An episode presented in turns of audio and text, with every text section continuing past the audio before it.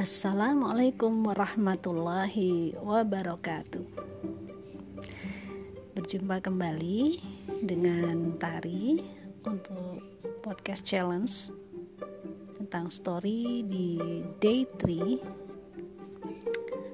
Sebetulnya saya hanya ingin bercerita tentang se satu momen, bukan satu momen sebetulnya.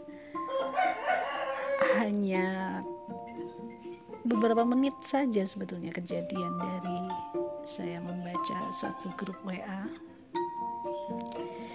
Tapi di situ ada hal yang perlu diulas menurut saya.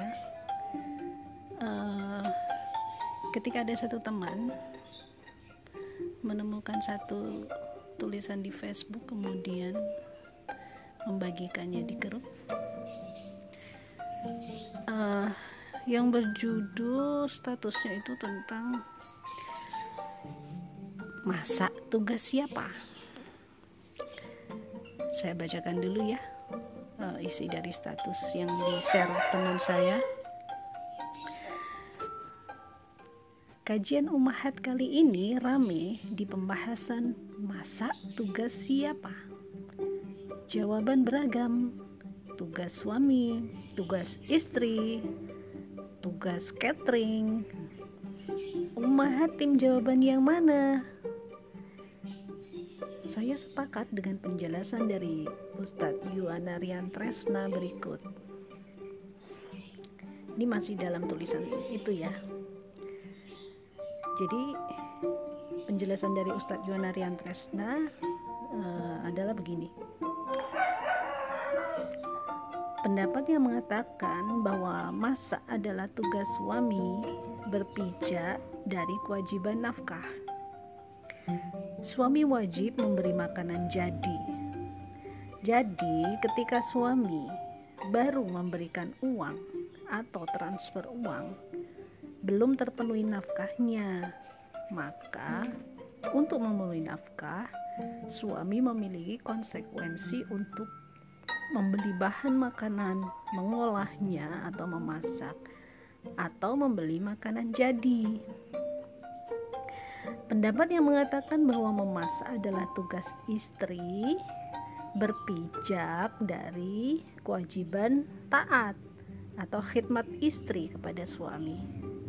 Jadi istri wajib khidmat ketika suami meminta saat suami minta dimasakin oleh istrinya, maka masak menjadi tugas istri sebagai bagian dari khidmatnya kepada suami. Jadi, masak bukan kewajiban asli suami atau istri.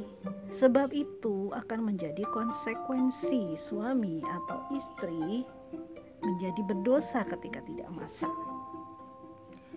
Akan tetapi, masa merupakan hukum konsekuensi konsekuensi dari kewajiban nafkah suami kepada istri atau kewajiban taat atau khidmat istri kepada suami.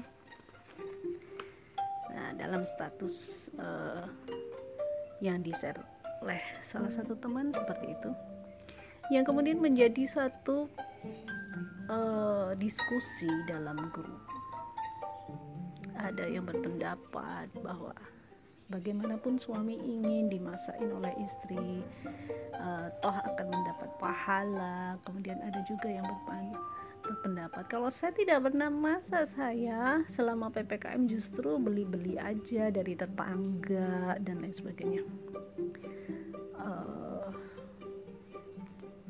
jadi bisa apa menjadi pelanggan tetangga yang pada jualan sayuran matang dan lain sebagainya.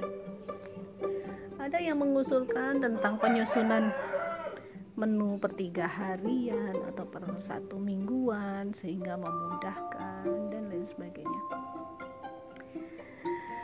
Coba yang menjadi lucu adalah uh, ternyata setelah diupdate status di dalam Facebook tersebut yang membagikan itu dari jam ke jam itu semakin banyak. Dari awalnya terhitung puluhan sampai sudah jadi ratusan dibagikan. Jadi fenomena apakah ini sebenarnya? Uh, ya karena ternyata mungkin sebetulnya ibu-ibu tidak semuanya suka juga dengan kegiatan memasak ini gitu.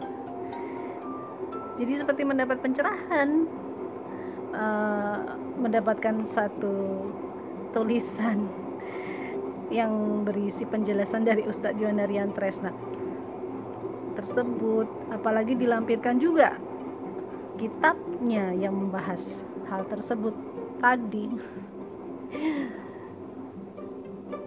demikian sahabat uh, podcast D3 saya yang membahas sedikit mengenai masa tugas siapa.